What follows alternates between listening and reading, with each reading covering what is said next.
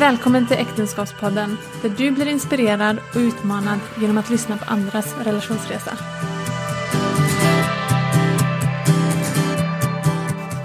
Hej och jättevälkomna till ett nytt avsnitt som är faktiskt en liten specialare. För att idag är det jag själv som sitter på den här sidan och Lovisa sitter på andra sidan med sin man Daniel. Välkomna! Tackar, tackar.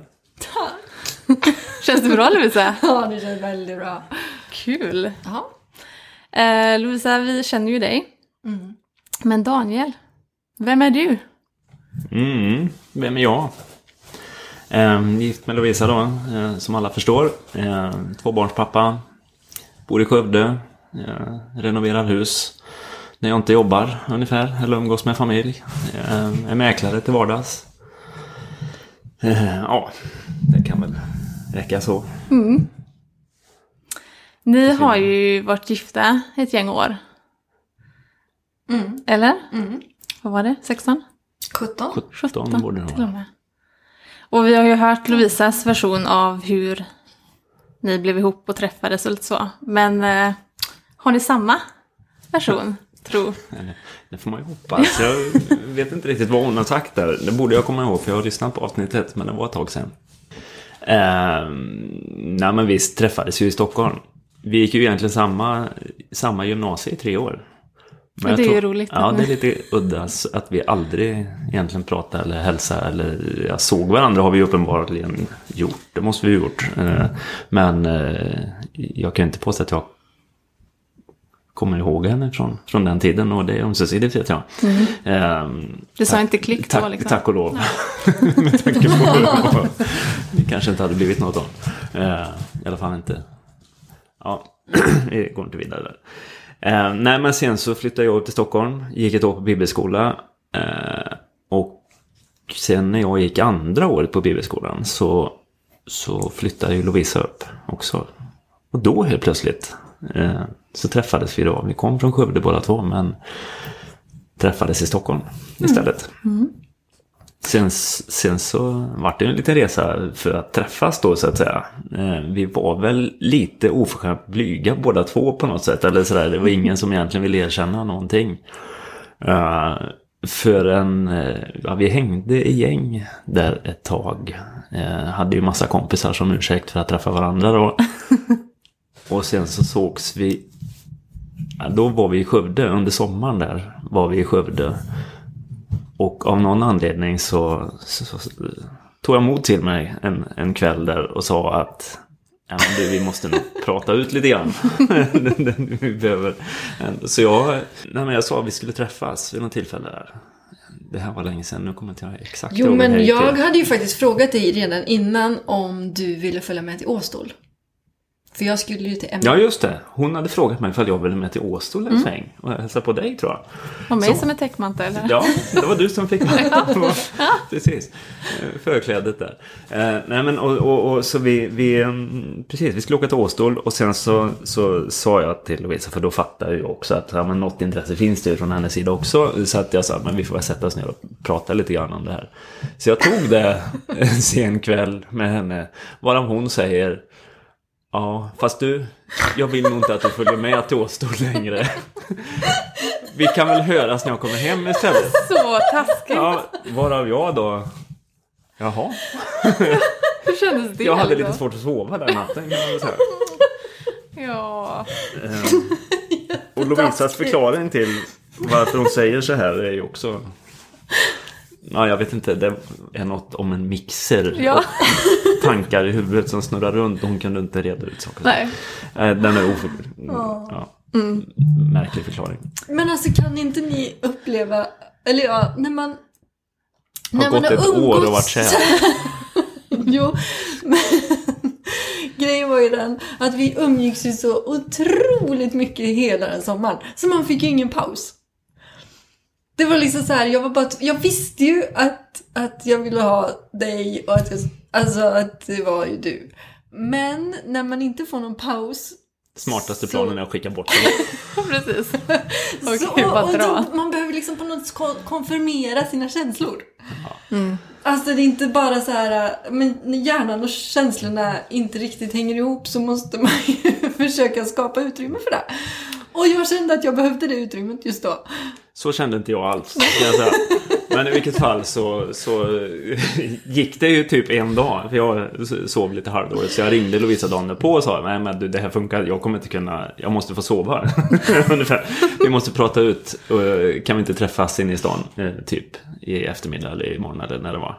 Och det gjorde vi. Och då blev vi faktiskt tillsammans. Den 13 augusti tror jag det var. eh, 2003.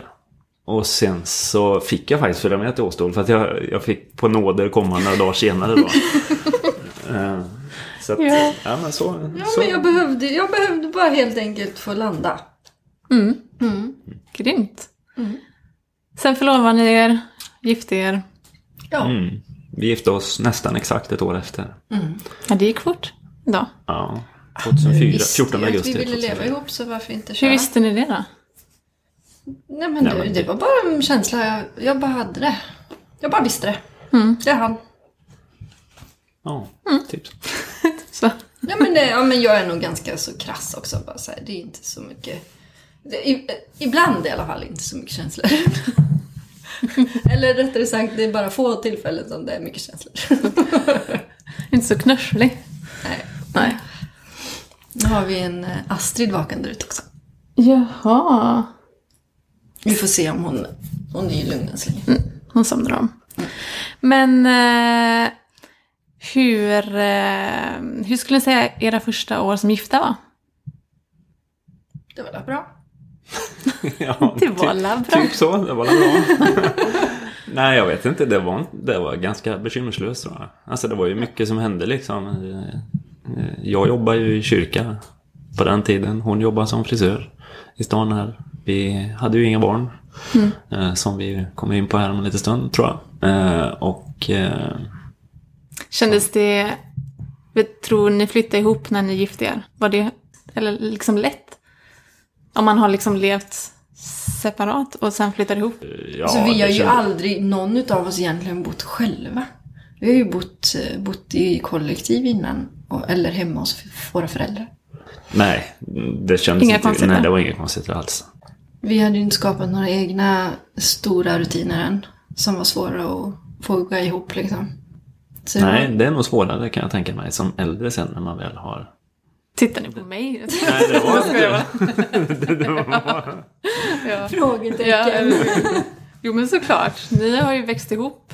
Eh, Ja, på ett men annat vårt sätt. vuxna liv har vi ju ändå tillbringat ihop Mm. på något sätt. Har ni någonting som eh, har varit en större utmaning för er? Ja, det har vi.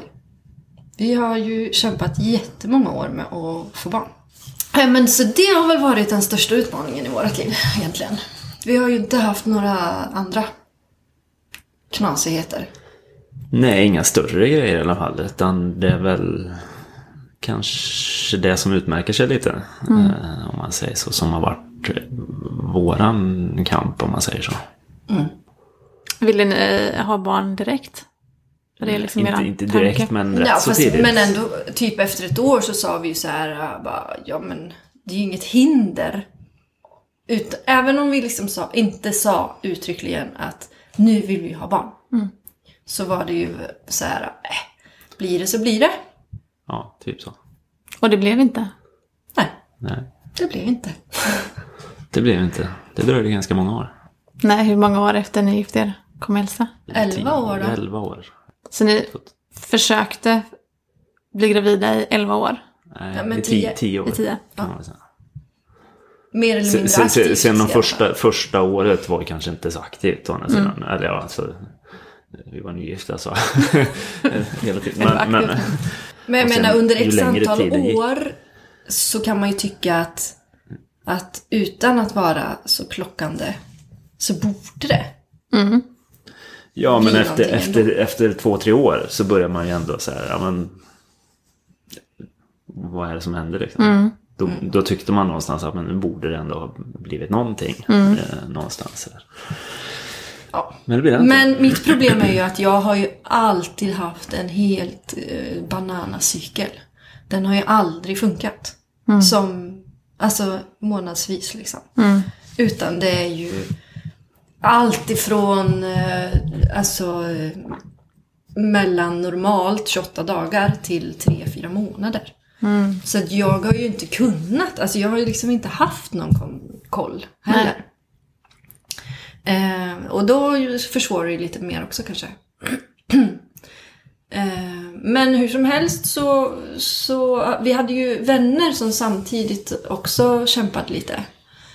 Eh, och började med IVF och sånt där. Och då när vi började prata med dem Alltså, det- jag vet inte hur vi kom in på det egentligen, men, men eh, de ställde väl kanske frågan hur det gick för oss liksom. Jag kommer inte exakt Nej. ihåg. Men och då så helt plötsligt så börjar man ju fundera lite mer. Bara, aha, men ja, varför funkar det liksom inte? Eller så här, vad är det som är fel? Eller vad, sådär. Så då, då ringde vi ju fertilitetskliniken. Eller, och så fick vi en tid för utredning. Och den visar väl inget speciellt. Ehm, Nej, det gjorde det inte. Fast de sa ju ändå att de höll ju på något sätt med oss om att ja, tre år här nu är ganska lång tid. Det borde ha hänt något. Ungefär. För det var ju 20, 2009 som vi ringde då. Ehm, Så vi fick väl ganska direkt en remiss till Göteborg. Till Sahlgrenska och IVF där. Så då tänkte vi att ja, men visst fine, det blir väl bra. Så då gjorde ni IVF? lite hjälp på traven, det blir bra. ja, så då gjorde vi det. Eh, Så jag tror att vi började med en omgång direkt hösten där 2009. Och eh, jag kommer liksom inte ihåg några detaljer. Mer än att eh, gjorde hela tjugorutten, ut äggplock och insättning. Jag tror att det kanske bara blev en, en, ett ägg som klarade, alltså eller det blev bara ett befruktat ägg typ. Ja, per gång. Ja. Så, och det tog sig ju inte då. Mm. Eh, så då var det ju ett nytt, stim, en ny stimulering och äggplock på våren 2010. Och ja men det fäste ju det ägget vid ett tillfälle i alla fall. Men det höll sig kanske bara i några dagar. En vecka. Mm. Så fick jag mens. och sen eh, gjorde vi en till på hösten. Den sista. Och det funkar inte heller. Så vanligtvis så, alltså jag menar IVF, det är ju kanske ändå, eller det är ju ändå en ganska hoppfull process man är inne i. För då känner man att ja, man får hjälp och det, det här blir bra. Liksom. Men jag vet inte riktigt, eh, eller ja, i i vårt fall så funkar det ju inte. Men hur... Nej, och det var inte bara att det inte funkade. Det var ju dessutom alla hormonbehandlingar som hon fick gå igenom då. Eh, slet ju ganska hårt dessutom, så att säga. Så att det var På inte... er? Eller på henne? Nej, mest på henne givetvis, men det blev ju på oss båda. För det satte sig ju liksom i psyket på något sätt. Liksom. Eh, Det var en, det var en berg och dalbana kan man säga. Hur, hur, just den här IVF-perioden och man tänker att man är hoppfull och tror att nu ska det hända och så händer det inte. Hur, hur hanterar ni det? Alltså jag vet inte riktigt. Ja. Det, ja men det är klart att det växte i en enorm frustration. Jag, jag har ju periodvis har jag ju mått jättedåligt. Och, och alltså jag kommer inte ihåg om det framförallt blev då givetvis, ja det blev det ju, värre efter att det inte funkade. Och visst, vi hade väl möjligheten att köpa fler, men, men vi, det var inte riktigt alternativ heller för oss. Dels är det ju svindyrt.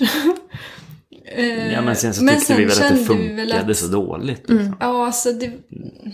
Nej, men det kändes väl inte som att det var, det var våran väg helt enkelt.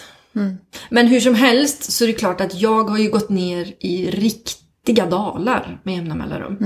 Och sen kanske man har kommit upp en liten stund och så har man dykt ner där igen.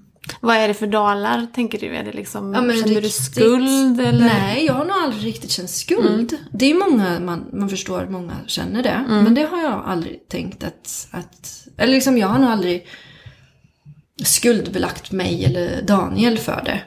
Utan det har mest bara varit, ja, nej okej. Det är svårt. Vad är det för känslor du har haft när du har varit där nere? nej men det, väldigt mycket, ja men bitter. Alltså jag blev superbitter på allt. Och framförallt på andra kompisar som blev mammor hela tiden. Alltså det var ju, det var sån plåga när man, när man såg någon annan vara gravid. Och jag utvecklade ju på någon sån här sjuklig, eh, ett sjukligt beteende av något slag. Eh, En försvarsmekanism tror jag. Då jag liksom på något sätt såg, ja nu är hon gravid. Och det stämde ju till 99% nästan. Utan att de överhuvudtaget hade yttrat sig. Du hade någon sorts radar. Ja men verkligen. Och så blev man ju sådär, alltså man ville ju inget annat än, än att vara så glad för dem eller så här glädjas. Alltså för jag, i grund och botten är jag sån. Så jag kände ju inte igen mig själv överhuvudtaget. Men alltså det var så svårt. Så det blev ju, alltså jag menar, man drog sig ju för att umgås med för mycket folk. Alltså man blir, man stänger in sig alltså. För att man, man, vill, man vill inte hamna i den situationen där någon säger att ah, vi ska ha barn. jag, jag var ju framförallt sån. Jag tror inte att du var riktigt lika eh, bitter på livet som jag. Nej, Men, det var jag eh, inte. Var Men inte. jag påverkar säkert dig i det. Nej, men jag tyckte, alltså, det är klart jag tyckte det var jobbigt. Och man hade väl sina svackor upp och ner också. Och sådär, men men jag, jag tyckte inte det var nödvändigtvis så jobbigt som Lovisa tyckte. Eh, Jag tyckte det var mer jobbigt att hon tyckte det var jobbigt. Eh, Och, och sen så var det väl också sådär så när man märkte att men, eh, inte minst det här avundsjukan eller vad man nu ska säga. Den, den hördes ju lite emellanåt hemma också sådär på olika sätt. Och det var att inte umgås med folk. Fast jag vet inte om jag upplevde det jättemycket. Nej men att vi inte, att vi umgicks drog ju oss med de undan, sådär, närmsta kanske. Men det var ju inte så att vi letade de nya bekantskaperna eller de, de andra. Alltså, där hade vi ju ändå en väldig fördel. För i vår bekantskapskrets, när vi då var inne i den här riktiga svängen med IVF och alla det här, då var det inte många vänner som hade barn. Eh, men det kom ju sen efter, ja men, efter ett par år. När, när vi var färdiga med det och då vi kanske var mer nere i ovisshet. det var då som barnen började ploppa upp. Men, men eftersom att vi ändå gifte oss så unga och hade kompisar som inte var där än så var det, alltså det skonade oss enormt mycket. Hade vi varit i den köret där vi är nu, där alla har barn, ja, det hade ju varit så smärtsamt. Då vet jag inte riktigt om jag hade, ja, jag vet inte, då hade jag nog gått eh, och lagt mig någonstans. men, men så var det inte då. Och det var, alltså, jag tänkte på det mycket liksom, att alltså, det är för väl. Men sen började ju barnen ändå komma. Runt, ja men för typ åtta år sedan kanske eller något. Eh, så det var eh, några år där innan vi fick Elsa sen som, som det var. Och då, det var nog då min bitterhet växte sig mycket större på något sätt. Och bara, alltså bitterhet är ju verkligen sånt, alltså det är så sjukt. Och det är ingenting man bara kan besluta sig för och liksom lägga undan sen. Nej, Jag vet inte, alltså det... Det blir, en, det blir verkligen en sjukdom man bara är, som äter upp en. Jag vet inte hur man ska beskriva det mer. Fast jag vet inte om jag upplevde det så. Jag upplevde mig själv liksom. som fruktansvärd alltså. Ja, det, ja, men alltså, ja, jag vet inte, jag kanske dolde det bra. Fast samtidigt så har jag aldrig upplevt mig själv som någon som kan eh, dölja att jag mår dåligt. Men hur, hur såg er relation ut de här åren? Alltså, vad blev allt fokus på barn? Ja, men jag upplever att det har gått lite upp och ner. Ja. Alltså vi har ju det där med att, alltså det är det värsta påståendet jag överhuvudtaget eh, hör. Och det, inte det att, att folk liksom upp, har sagt det tydligt till oss. Men alltså, jag blir ändå riktigt provocerad när folk säger att ja, men det är bara att slappna av. Bara bullshit alltså. Hur lätt är det? Kom, kom inte och säg att man bara ska slappna av, för då kommer det.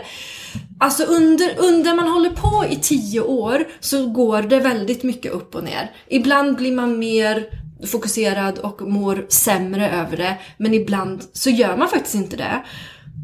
Och vad, alltså under de här tio åren, vad, alltså vadå, skulle vi ha varit mindre Alltså, eller mer spända under tio år. Nej, nej. Alltså jag blir så irriterad. Man kan inte säga det.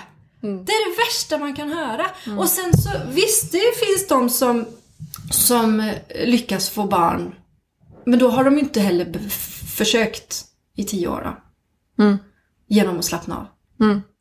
De säger ju att stress påverkar jättemycket. Och hela den här grejen när man inte blir gravid, absolut. det är ju en stress. Ja men det är ju en stress. Men när man har försökt i tio Mm. år, då är det inte riktigt att man under tio års tid lever i den stressen. Mm. Utan det går upp och ner. Och bara, nej jag blir all, fortfarande väldigt provocerad i alla fall när jag hör att det är bara att slappna av.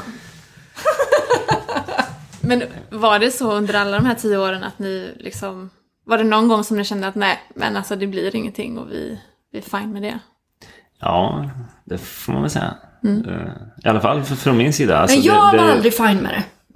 Jo, men det, ja, fine och fine. Det, det kanske finns, men någonstans så gav man ju upp den naturliga vägen. Så att säga. För vi började ju prata om adoption, alltså sådana vägar istället. Och det var ju...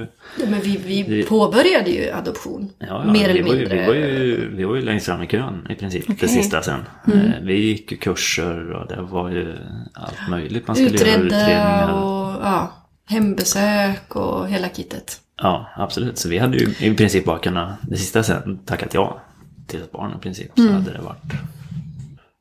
Och det här påbörjade vi ju ganska så snart efter att de här tre försöken inte lyckades.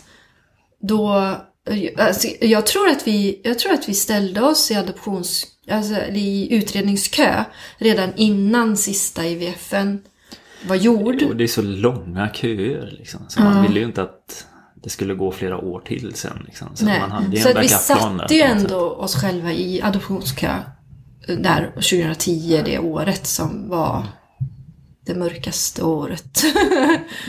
Eh, Så då hade vi ändå den processen igång också. Men kändes det som någonting positivt? Ja men det gjorde Alltså, det. Det tycker jag. Ja, jag Det var ju tycker- ändå roligt. Ja, men Ja, så här, det var sen- spännande Sen var det lite, på något sätt lite själavårdande också. Att, Ja. Inte minst under kursen då fick man ju träffa ganska många andra par i samma situation. Liksom. Just det. eh, som också hade velat på många sätt i många år. Eh, så, och de kunde man ju också prata med en del. Och så där, så att det var, nej, men det var en positiv upplevelse tycker jag. Sen så landade vi väl aldrig i att det var plan A egentligen kanske. Inte du i alla fall. Nej men alltså jag kunde aldrig riktigt lämna att jag vill bära ett barn. Mm. Jag kunde inte riktigt bara gå vidare helt i det. det, och, jag, och det har jag liksom känt sen, eller ja, då när man processade det där ganska mycket. För att jag kan ju tycka att ska man, ska man satsa på adoption så måste, för det är ju oftast en B-plan ändå. A-planen är att man vill bära ett barn. För de allra flesta. För de allra flesta. Inte alltid. Nej. Men, men för de allra flesta. Och B-planen blir då kanske en do- adoption. Men för att B-planen då ska bli rätt så måste den gå över till en A-plan. Alltså den måste kännas 100% rätt för att, för att man Ja men för att man ska vara redo för att ta emot ett barn som behöver oss 100%. Hur som helst, jag kunde aldrig lä- lämna det där. Så det gnagde verkligen i mig jättemycket. Att, alltså, ja. Och till slut så, jag fick tag på en bok som handlar om, eh, om fasta och bön. Eh, som jag läste. Och, och då beslutade jag mig för att, hej, nu får jag ta tag i livet här.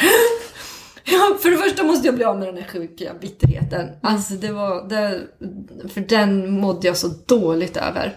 Och jag bara, jag kan inte leva med detta. Och jag kände inte att det fanns någon annan utväg än att försöka på något, alltså jag vet inte, hur man ska bli av med bitterhet på egen hand. Alltså, jag tror knappt att det går. Det kanske det gör. Men ja, jag, jag var inte kapabel till det i alla fall.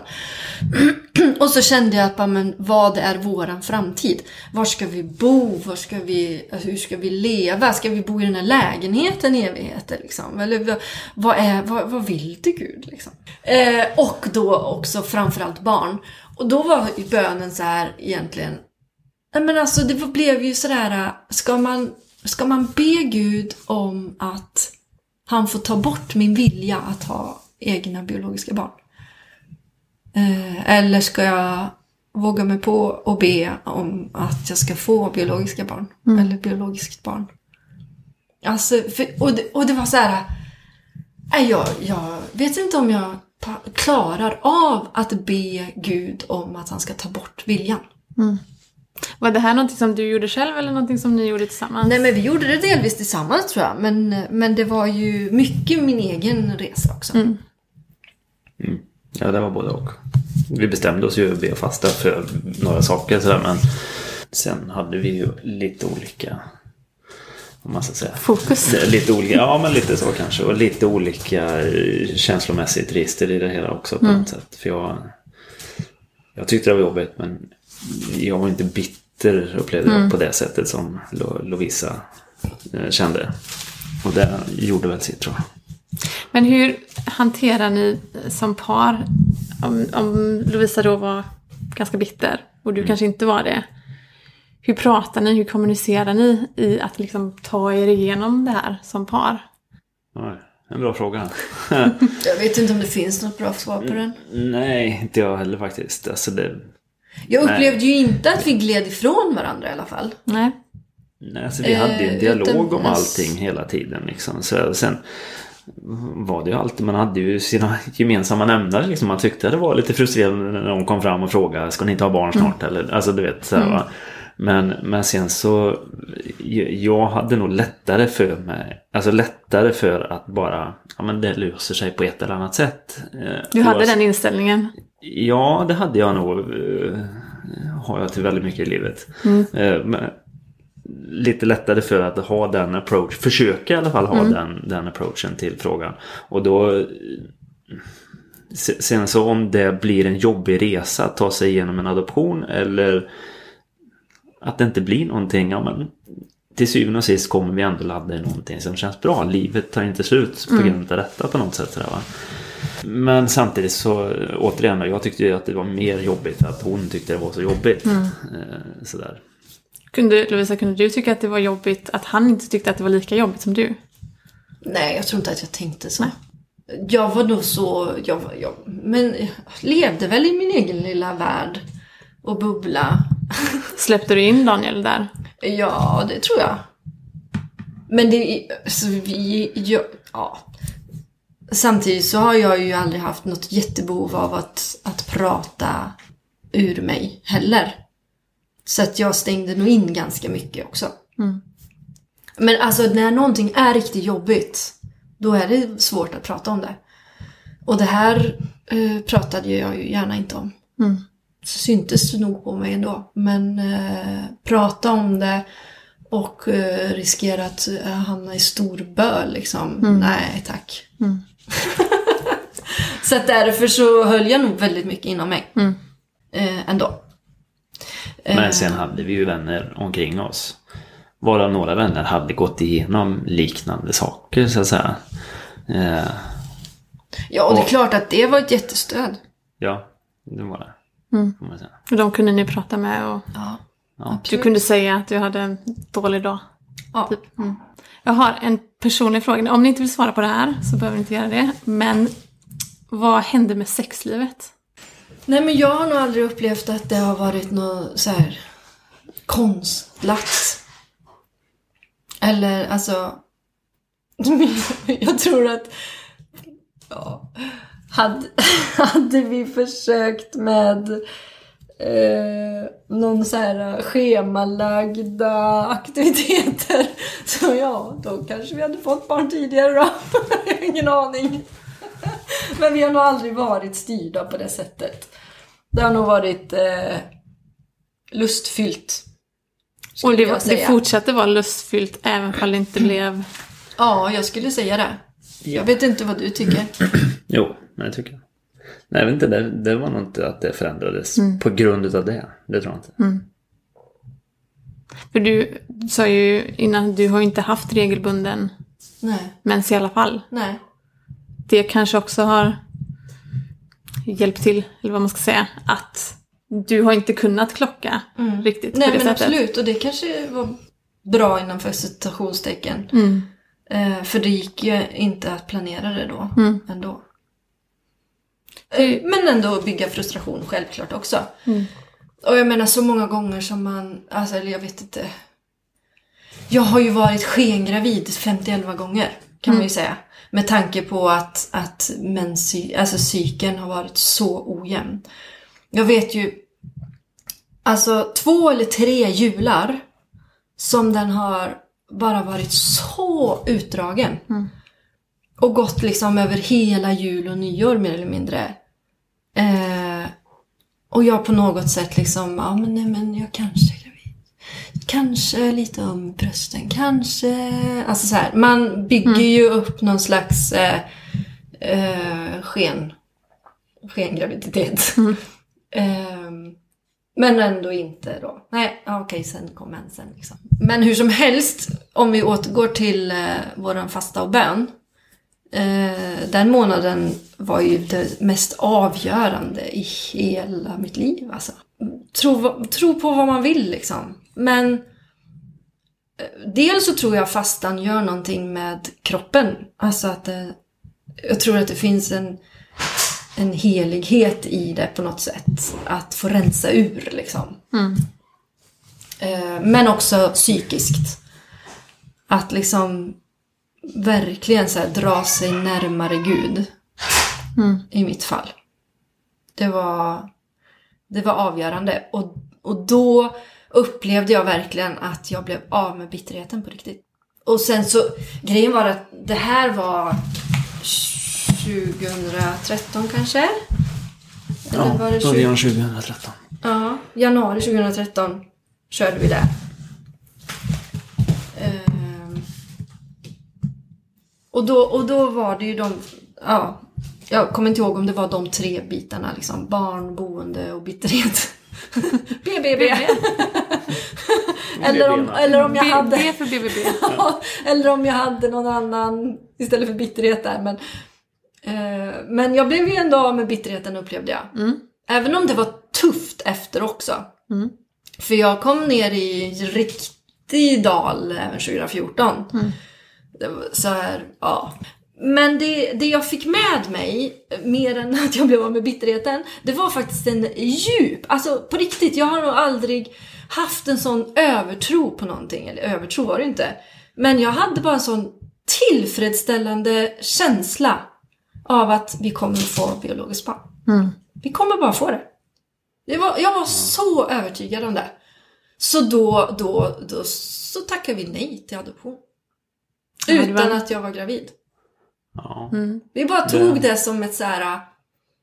Ja, vi, Ett- det var du som var Ja, det väldigt var jag. övertygad. Så- så- Alltså, det, jag, jag var ju mer så här, jaha, ska vi ställa oss på ruta ett nu igen Mm. menar du efter alla år? För adoptions, eh, alltså hela den processen, det är ju ganska lång tid också. För det var många alla- år. Ja, ja, alla där. kurser, alla utredningar och sen dessutom stå i kö då för att komma Mm. fram i olika länder. Så, ska vi kliva ur den här kön och ställa oss på ruta ett igen då liksom och få börja om om, om det nu skiter sig liksom så här.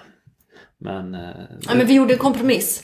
Vi klev av kö, eh, Ja. kö till, till länder. Men vi stod med som, fortfarande som eh, eh, Ja, passiva, typ, passiva i Ah, adoptionskö. Så vi hade kunnat plocka upp det igen. Men vi liksom, ja. Mm. Så att helt ett sånt superstort trosteg gjorde vi inte.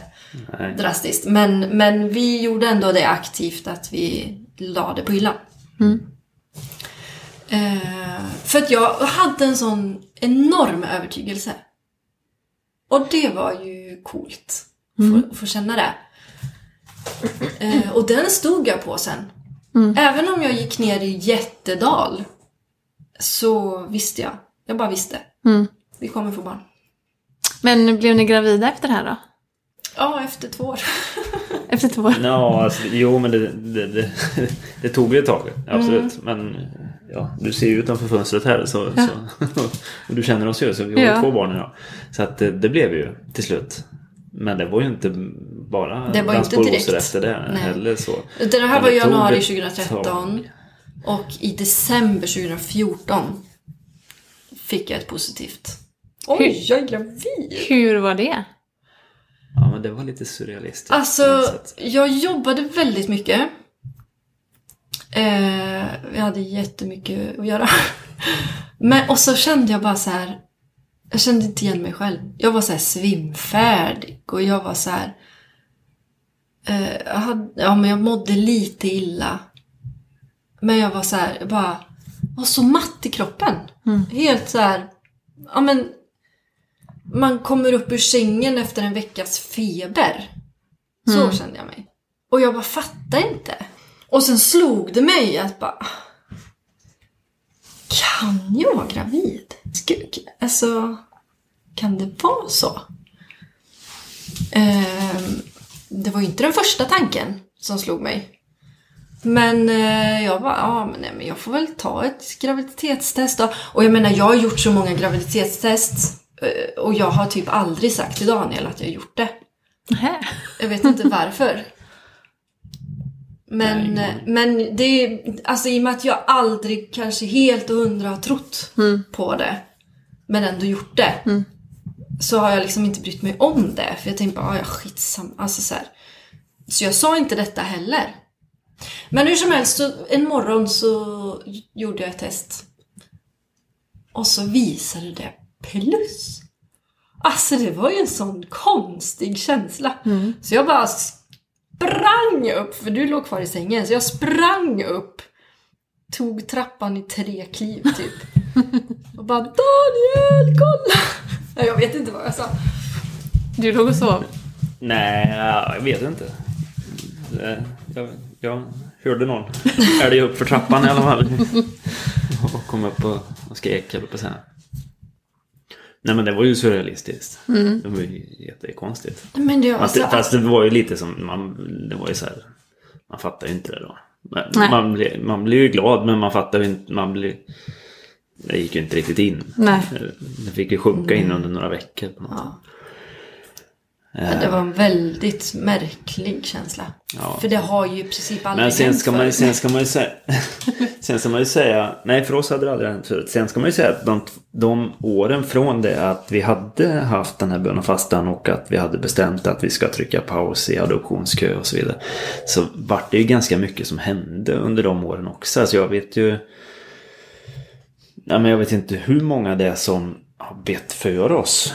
Eh, Och eh, varit ganska personliga så här. Men jag, jag upplever verkligen. Jag vet det var någon mors dag i kyrkan. Kommer jag ihåg. Och det är ju väldigt så här. Då är det fokus på alla föräldrar. Det var, det Inte var inte alltid kul. jättekul att gå. Nej, och jag var verkligen inte Det var jag som inte var sugen av någon anledning att gå till kyrkan. Jag tyckte det var vi skit. Men jag blev eh, dit dragen mer eller mindre. Eh, Men då var det faktiskt en kvinna i församlingen som kom fram och bad för, för mig då. Det. Och det var verkligen så här personlig hälsning liksom, upplevde jag. Från, från eh, Herren på något sätt. Att nej, men ni kommer få barn. Liksom. Eh, Och det, ja, tog man ju lite halvt om halvt då. Ja, men, men ändå så här. Och, och det var flera sådana tillfällen sen. Eh, och inte minst var det, vi var uppe i Fjällvandra hösten 2013 måste det ha varit. När vi stannade på vägen hem från hemavan som vi varit i. Stannade vi hos några goda vänner till mina svärföräldrar, eller Louisas mamma och pappa. Eh, och hon kvinnan i huset där. Hon var eh, men, riktigt så här. Hon var uppe tidigt på morgonen. Och du vet, spelade lite piano och bad och sådär va. Och när vi kom upp sen på morgonen och skulle äta frukost. Då berättade hon så här. Ja, jag var uppe tidigt och bad för er i morse. Wow. Ja, jaha, oj, säger man yrvaken. Du vet, och håret står som... Jaha, oj. Eh, ja, och vet, när jag bad så såg jag, jag, jag såg en, en, en trappa ifrån himlen, sa hon. Jaha. Och ner från den här trappan så kom det en liten flicka i vit klänning. Nej. Så, så här. Och, jag, och jag frågade Gud då i, i min bön så här, Är det Lovisas och Daniels dotter? Ja, det det, hörde jag då. Jag ville att ni skulle höra det, sa hon bara. Så här. Och du vet, då var man så här, ja men då... Ja, då var man inte så morgontrött längre och tårarna rann ju liksom så här. Eh, För det kändes så genuint på något sätt när man satt med henne där. Eh, Och sen var det ju liksom, det var ju två månader efter det sen som vi fick Nej, ett, ett år. ja, ett år, förlåt. Förlåt, det blev det. Ett år efter. Ja, ganska precis ett år efter.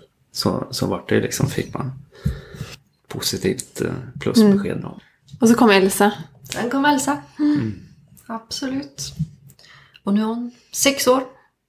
Men sen hade ni ju också... Elsa är sex år och nu har ni en liten på sju månader. Det tog ju några till år Ja, mellan det. där. Det gjorde Ja, det. Så det har inte varit självklart liksom, på något Nej. sätt att vi skulle få en del. Verkligen inte. Nej, det är ju bara, alltså det är ju som bonus bara. Vi, och, och jag vet inte riktigt, jo men vi, vi har ju uttryckt det att vi vill gärna ha ett till barn. Alltså ett Det syskon. har man gjort, men samtidigt som man var väldigt tacksam för att man har. Ja, och, så, och, och samtidigt bara, alltså, jag har håll, försökt att hålla mig så långt bort som möjligt ifrån att det skulle sätta sig på hjärnan och psyket igen. V- har vägrat, så därför har man liksom inte... Nej, jag, jag har inte riktigt uttryckt så tydligt liksom. Att, att eh, nu försöker vi med ett syskon här. Liksom. Eller nu kör, alltså. Och vi har ju liksom ändå så här pra, funderat på, men ska vi testa UF igen? Eller ska, alltså, ja, vad, vad ska vi göra? Eller ska, ska vi göra något? Men vi har liksom inte, vi, det har aldrig blivit, ja vi har väl kanske kollat upp vad det kostar, men vi har liksom inte kommit längre än så. Nej, men precis, nu hade ju, nu hade ni ju fått Ja. Men, men hon Berit uppe i, i ja, där vi stannade till när vi kom hem från, eh, eller åkte från Hemavan. Eh, hon har ju, ja men jag tror att jag vid något tillfälle eh, har sagt till henne att, att ja, Elsa hon pratar ju om att hon vill ha ett syskon, hon vill ha en bebis. Och då gjorde hon jättemånga år Elsa. Eh, så att ja, det vore ju önskvärt med, med en, en, ett syskon liksom. Så det har jag ju nämnt till henne. Så jag vet ju att hon har ju, hon har ju varit bönemamma till den här bebisen också. Ja.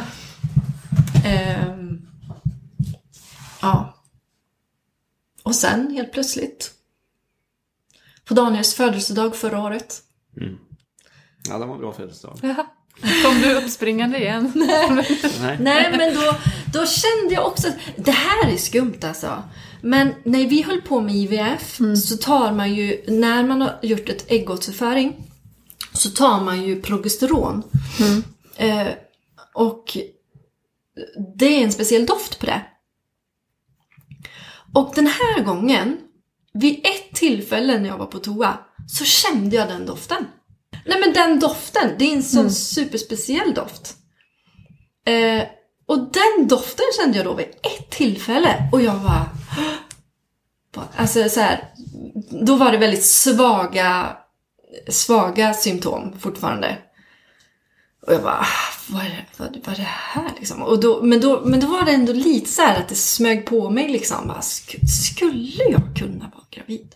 Skulle jag eventuellt kunna vara det? Men som sagt, för, som tidigare, jag har inte nämnt det för Daniel. Inga sådana misstankar har jag yttrat överhuvudtaget. Är det för att du inte ville ge honom förhoppningar? Eller varför har du... Det är nog kanske för att skydda mig själv. Mm. Tror jag. För att inte uttala några egna förhoppningar och skada mig själv på det sättet. Mm. Tror jag. Ja, men i alla fall så på hans födelsedag så gjorde vi lite ärenden och jag kände mig så här lite, lite hängig. På ett annorlunda sätt liksom. Mm. Ja, men jag köper ett graviditetstest liksom. Men vadå, det kan ju inte skada. Kände jag så här. Och så, det så, och så tänkte gånger. jag så här att, ja fast de senaste åren har jag inte gjort det sen. Elsa Nej. föddes. Eh, eller eh, kom där. Ehm, men då kände jag så här att ja, men det är ju hans födelsedag. Det vore ju coolt om det var positivt. Ja. Och att jag får det liksom som en present. Alltså jag bara tänkte att Hon slog inte in det kanske. är det någon gång jag måste liksom... Men då i alla fall så, så gick jag in på toa. Vi hade ätit middag, jag gick in på toa och tog testet och bara "Åh, Det är plus! Och sen bara sprang ut till Daniel och bara du, jag har en till överraskning till dig! Eller en till present eller något, jag vet inte vad jag sa. Du stod och du diskade där. Jag bara titta! Och bara, Ja. Ja, det var, det var en fin present. ja, det var en fin present. Ja. Om ni ser tillbaks på, på alla de här åren, kan ni känna på något sätt att eh, det har, ni har inte glidit ifrån varandra, sa ni? Nej. Men har ni blivit starkare, tror ni, tillsammans? Eller kan ni känna att åren har liksom inte gått till spillo, men ändå liksom det varit så mycket fokus på, på det, eller hur? Eh, Så känner inte jag att det har...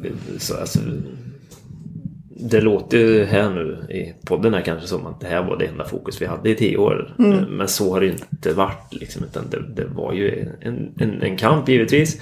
Men det hände ju otroligt mycket annat eh, överallt hela tiden. Så jag menar det fanns ju jättemånga Ja, jag åkte till fru- i frustration till USA i två månader. Just det. Ja, nu, ja precis. Efter 2010 där när, när allt sket sig så bara, nej, jag måste härifrån. Du jag, bara- jag drar till USA, Daniel fick komma efter en månad. Nu ska man säga att det var inte en semestertripp hon gjorde själv.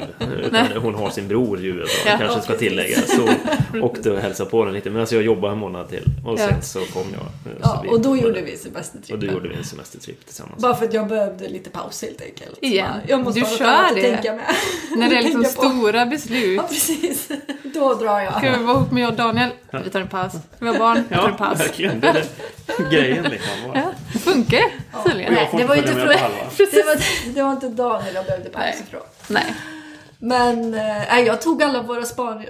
Eller alla våra sparpengar. Det var inte mycket. En månad var hon borta bara. Det räckte till biljetter till USA i alla fall för att spåda. Ja. Med de pengarna vi hade på kontot. Och så drog jag. Mm. Och sen så kom du. Eh, och sen har vi varit i USA en gång till. Jag var ju tvungen att jobba en månad till som du förstår. Eller hur? Ja, Exakt. Sponsra Ja, pruns. precis. Ja. Ja, nej men, eh, ja. Men en sån grej var kanske väldigt nyttig och bra för dig att bara liksom bryta Ja, men det var jag nog vardags... tvungen att göra. Alltså. Mm. För att man blir så, man blir så, ah, det blir så fel i huvudet på en alltså. För att även om ni säger det var, om ni levde ju på som vanligt så är ju det här ändå underliggande hela tiden, tänker jag. Jo men det är det ju på ett sätt. Det finns ju Alltså, där bak. det, alltså när man får man frågor kring det eller kommer ämnet upp så då absolut, då finns det ju nära till hands liksom. Jag skulle nog hävda att jag tänkte på det 24-7 nästan. Ja, Mm. det, det är ju olika så, Ja. för det gjorde ju inte jag. På det. Så jag upplever nog, alltså jag skulle nog känna att, alltså jag, nu i efterhand, jag skulle inte ha velat vara utan processen. Inte? Och, alltså, jo, det är klart att jag skulle vilja. Men man har lärt sig någonting och det har ju skapat mig till den jag är, så är det ju. Vad har du lärt dig? Ja, det vet jag knappt. Alltså jag kan ju vara glad på ett sätt att vi inte fick barn redan 2005. Som ja, vi hade absolut. tänkt. Alltså, för jag menar, då hade våra liv sett väldigt annorlunda ut idag. Man hade inte hunnit med det som vi gjorde nu istället då så att säga. Och nej, men det, det finns ju väldigt många plus med att det kom senare. Så sett. Jag tycker att det var perfekt Men frustrationen och aggressionerna eller Ja, det hade jag gärna så, och, eh, och eh, bitterheten hade jag gärna levt utan. Men självklart har man lärt sig någonting och, och den lärdomen får man ju inte tycka är negativ heller. Liksom. Mm. Och, och övertygelsen och allt det som, som föddes är ju, den, den är ju ovärderlig. Vad, vad skulle ni säga eller ge som råd eller tips till par som går igenom barnlöshet? Om man tänker på liksom relations... Eh, Ja, det, delen. Jag vet inte. Alltså, Alla hanterar ju saker och ting så olika. Och vi två är ju sådana som inte har något stort behov av att prata och älta och dalta. Nej, Utan det vi har blir ingen kanske mer oss. tysta. Men, men däremot, jag har egentligen inte så här, och det har jag inte fattat egentligen varför det... För så upplever jag det ändå att många, eh, många säger att det är lite, lite skambelagt att prata om. Liksom. Man, vågar, man vill inte lyfta ämnet, man vill inte eh, sådär. Och eh, det har jag lite svårt att förstå egentligen varför det skulle vara. Menar, det är ju det är inte ditt fel, eller ert fel. Eh, där, där, däremot i och för sig, vi pratar inte kanske så jättemycket om det mer än till några vänner. Och de hade ju dessutom eh, gått igenom liknande delar. Eh, vilket ju gjorde det väldigt mycket lättare att prata med dem då så att säga givetvis. Men, men eh, annars så hade väl, eller jag är sån i alla fall. Jag, jag ville inte prata om det för jag ville inte att alla andra skulle gå och tycka synd om en. Det var mer det. Det Ja, hade jag också extremt svårt för. Ja, alltså, Alltså, att- tycka att- synd om att en, folk. Ja men tycka synd om att de inte skulle våga säga att vi väntar barn. Mm. För de tror att vi inte kan glädjas med dem. Vilket vi kanske hade svårt perioder. Eller i alla fall min fru hade. Nej men alltså du vet, man, man, av de skälen ville jag dölja det. Men det var inte så att jag kände att ja, men, jag, jag, inte mitt fel. Eh, Mm. Varför skulle jag inte våga säga det här liksom, till någon? Det, det har jag inga problem med. Eller som delar nu i en podd. Mm. Nej, inga problem alls. Egentligen så. Men, Nej, men det var ju mer svårt att prata om det då för att man levde i det så hårt. Det, det var det svåraste. Med rätt person hade jag inga problem att prata. Men det var ingenting som jag hade behov av att prata med allt och alla om.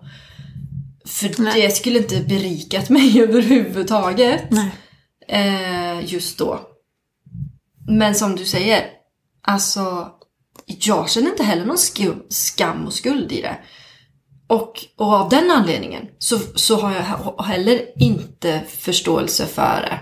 Att det skulle vara alltså, fult att prata om. Eller så. Nej men Tabu. Nej, men tabu. Men samtidigt så upplever jag väl i och för sig att det kanske har blivit öppnare. Det, jag ser ju du sitter och tittar på något program med Björn Gustafsson på tv på sen som handlar väl Bort och storken vad heter det? Nej, alla Den- utom Alla vi. utom vi. Alla utom vi den, kanske ja. inte. Eh, Nej men det är ju nog, det- det... är mer bara för att, att man vill på något sätt... eh, För det tyckte jag nog var lite jobbigt när vi fick Elsa. Helt plötsligt så försvann alla, alla de här... Alltså allt det jag hade levt i så länge. Och den jobbiga känslan och allt det här. Det försvann så drastiskt på något sätt. För nu var det något nytt. Nu, alltså nu, man, jag är väldigt mycket här och nu.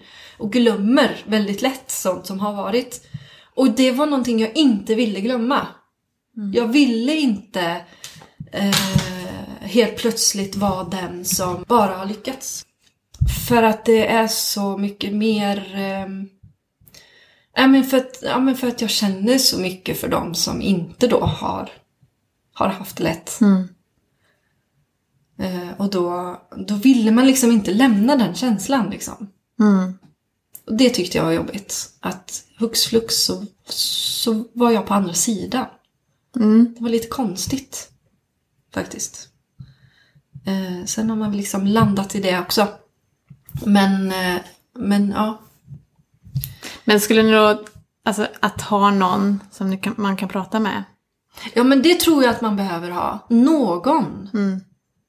Eh, jo, men det är bra. Även om, även om det är svårt att prata ibland så kanske det är bra att prata ibland. Eh, för att få perspektiv eller för Ja. att på något sätt liksom eh, och man, man kan säga, vi, bryta bubblan runt sig själv liksom. Eller något. Ja, lite så. Och sen så också, det har ju vi märkt i efterhand kanske. När man väl har vågat pratat om det mer, så att säga. Att det är ju det är väldigt vanligt. Supervanligt. Ja, Alltså det är otroligt många som, som ja men det har vi också gått igenom. Liksom, sådär. Eh, och man har ju story på story liksom. Sådär. Så att man är ju inte själv i det någonstans. Nej. Det finns hur många som helst som går igenom ganska exakt samma grej. Liksom. Och det finns ju eh, ganska mycket hjälp att få inom vissa gränser. Ja, det finns ju dels IVF, Ja, som, men sen också att försöka leva hormonellt rätt. För kvinnor Ja, är ju visst. också en, Precis. något Alltså, som växer nu. Ja, absolut. Eftersom vi har ju lite sabbat oss själva med allt skit som vi äter Ja, och får i men oss. verkligen. Mycket sådana bitar som man kan men, läsa på och få en förståelse kring och så vidare. Och så vidare. Och sen även alltså, adoption. Jag tycker att det är ett fantastiskt alternativ. Något annat tips? Hur hanterar man en sån här grej som par? Hur lyckas man att inte glida ifrån varandra? Jag vet inte, alltså det, för oss har det aldrig varit ett alternativ. Liksom. Alltså, Jag vet inte, jag har inte ens tänkt tanken att jag skulle glida ifrån Lovisa. Alltså det, fast det är kanske är någonting man gör utan att man märker det å andra sidan. Eh, Jag men vet, att- nej, jag vet inte. Ni har inte haft någonting som ni har aktivt gjort för att... Nej. Nej. Nej, och det har ju inte heller varit så där Alltså att det är så tydligt ens fel. Det kan ju bli en skillnad kanske om- i, något, i, i nå- någon parrelation om det är men det, det, det, det är biologiskt fel på så att säga. va. Ehm, d- då kanske det lättare blir att någon, men vi har ju inte haft vi har inte haft något fel Nej. egentligen. Det är bara att det inte har blivit. Av någon anledning som ingen vet. Varken vi eller läkarna. Så är det ju för vår tredje Ja, par som försöker bli gravida. Ja. Det är en tredjedel oftast mannen, en tredjedel oftast kvinnan. En tredjedel. Så vet de inte. nej. Och så var det ju för oss. Och det kanske gör det lättare att inte glida ifrån. För då, då på något sätt håller man en gemensam kamp. Eh, på något sätt. Annars har jag tyvärr lite för dåliga eh, råd där kanske. Fasta och bön. Ja men det är absolut verkligen. Ja, alltså har man en tro på Gud eller ja, så är det nog det starkaste tipset. Faktiskt. Att, alltså, för att det bygger också en frustration när man liksom inte är övertygad eller när man inte vet vad är våran väg. Alltså för det tror jag är väldigt individuellt. Är IVF vårt alternativ? Eller är adoption vårt alternativ? Eller är det, alltså vad, vad är, alltså och det är ju sjukt jobbigt att inte veta vad man vill eller vad man ska eller alltså och det var, det var en frustration för mig. Och då var det bara att byta tag i det liksom. Och det, det var helt klart det bästa beslut jag någonsin har tagit. För att det, det gjorde, det förändrade faktiskt. Det, ja men det förändrade hela, hela mitt synsätt på det. Och eh, även övertygelse. Och det var en sån befrielse. Även om jag sen och ytterligare ändå, trots min övertygelse, kom in i världens svacka. Så var det, det, var- det då fanns ändå den tryggheten under mig liksom, eller i mig. Ja. Fantastiskt. Vi ehm, avslutar väl med det som vi brukar göra. Daniel, berätta vad som är bäst med Lovisa och Lovisa vad som är det bästa med Daniel. Det bästa, inte, inte olika bästa saker. Ja, du kan ta flera Du stycken. kan dra allihop. Du har ju hela dagen på oss Ja, här. hela dagen. Ja. Nej men det finns ju massor av grejer. Eh, Nej men eh, för det mesta glad, positiv. eh, Och mycket humor. Fantastisk mamma. Ja, det finns... Ja, inte jag kan. bara fortsätta. Bara fortsätta. fortsätta. Nej men jag älskar det här spontana. Tycker jag är väldigt roligt.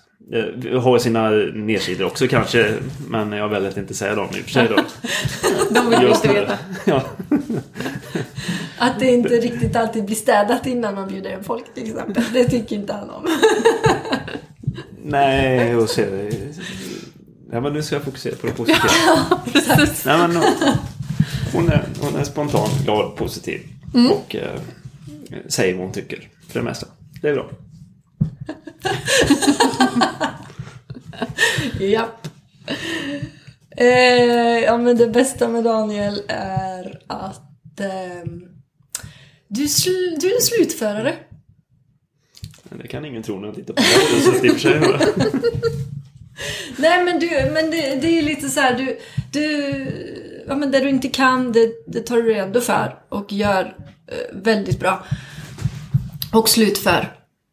Eh, jag är nog mer en start-upper och sen ligger allting utspritt. men eh, Daniel är så här, Ordning och reda liksom. Och det är ju, även om jag inte är lika ordning och reda så är det något jag verkligen uppskattar. Eh, den bästa pappan. Definitivt. Eh, jo, men jo, det skulle jag säga. Eh, han, han har god, alltså han klär i kostym. Jag trodde aldrig att jag skulle ha en kostymnisse. Men det har det blivit, minsann. Det är snyggt. Härligt. Ja, men, men eh, god, god, eh, god smak. Helt klart. Snägg. tusen, tusen, tusen tack för eran story. Eller att ni berättar eran story. Hoppas att det kommer hjälpa många. Det hoppas vi. Mm, det hoppas jag. Tack så mycket. Tack för att du har lyssnat idag. Gillar du det du hör så lämna gärna ett eh, omdöme och glöm inte att följa oss på sociala medier. Hej då!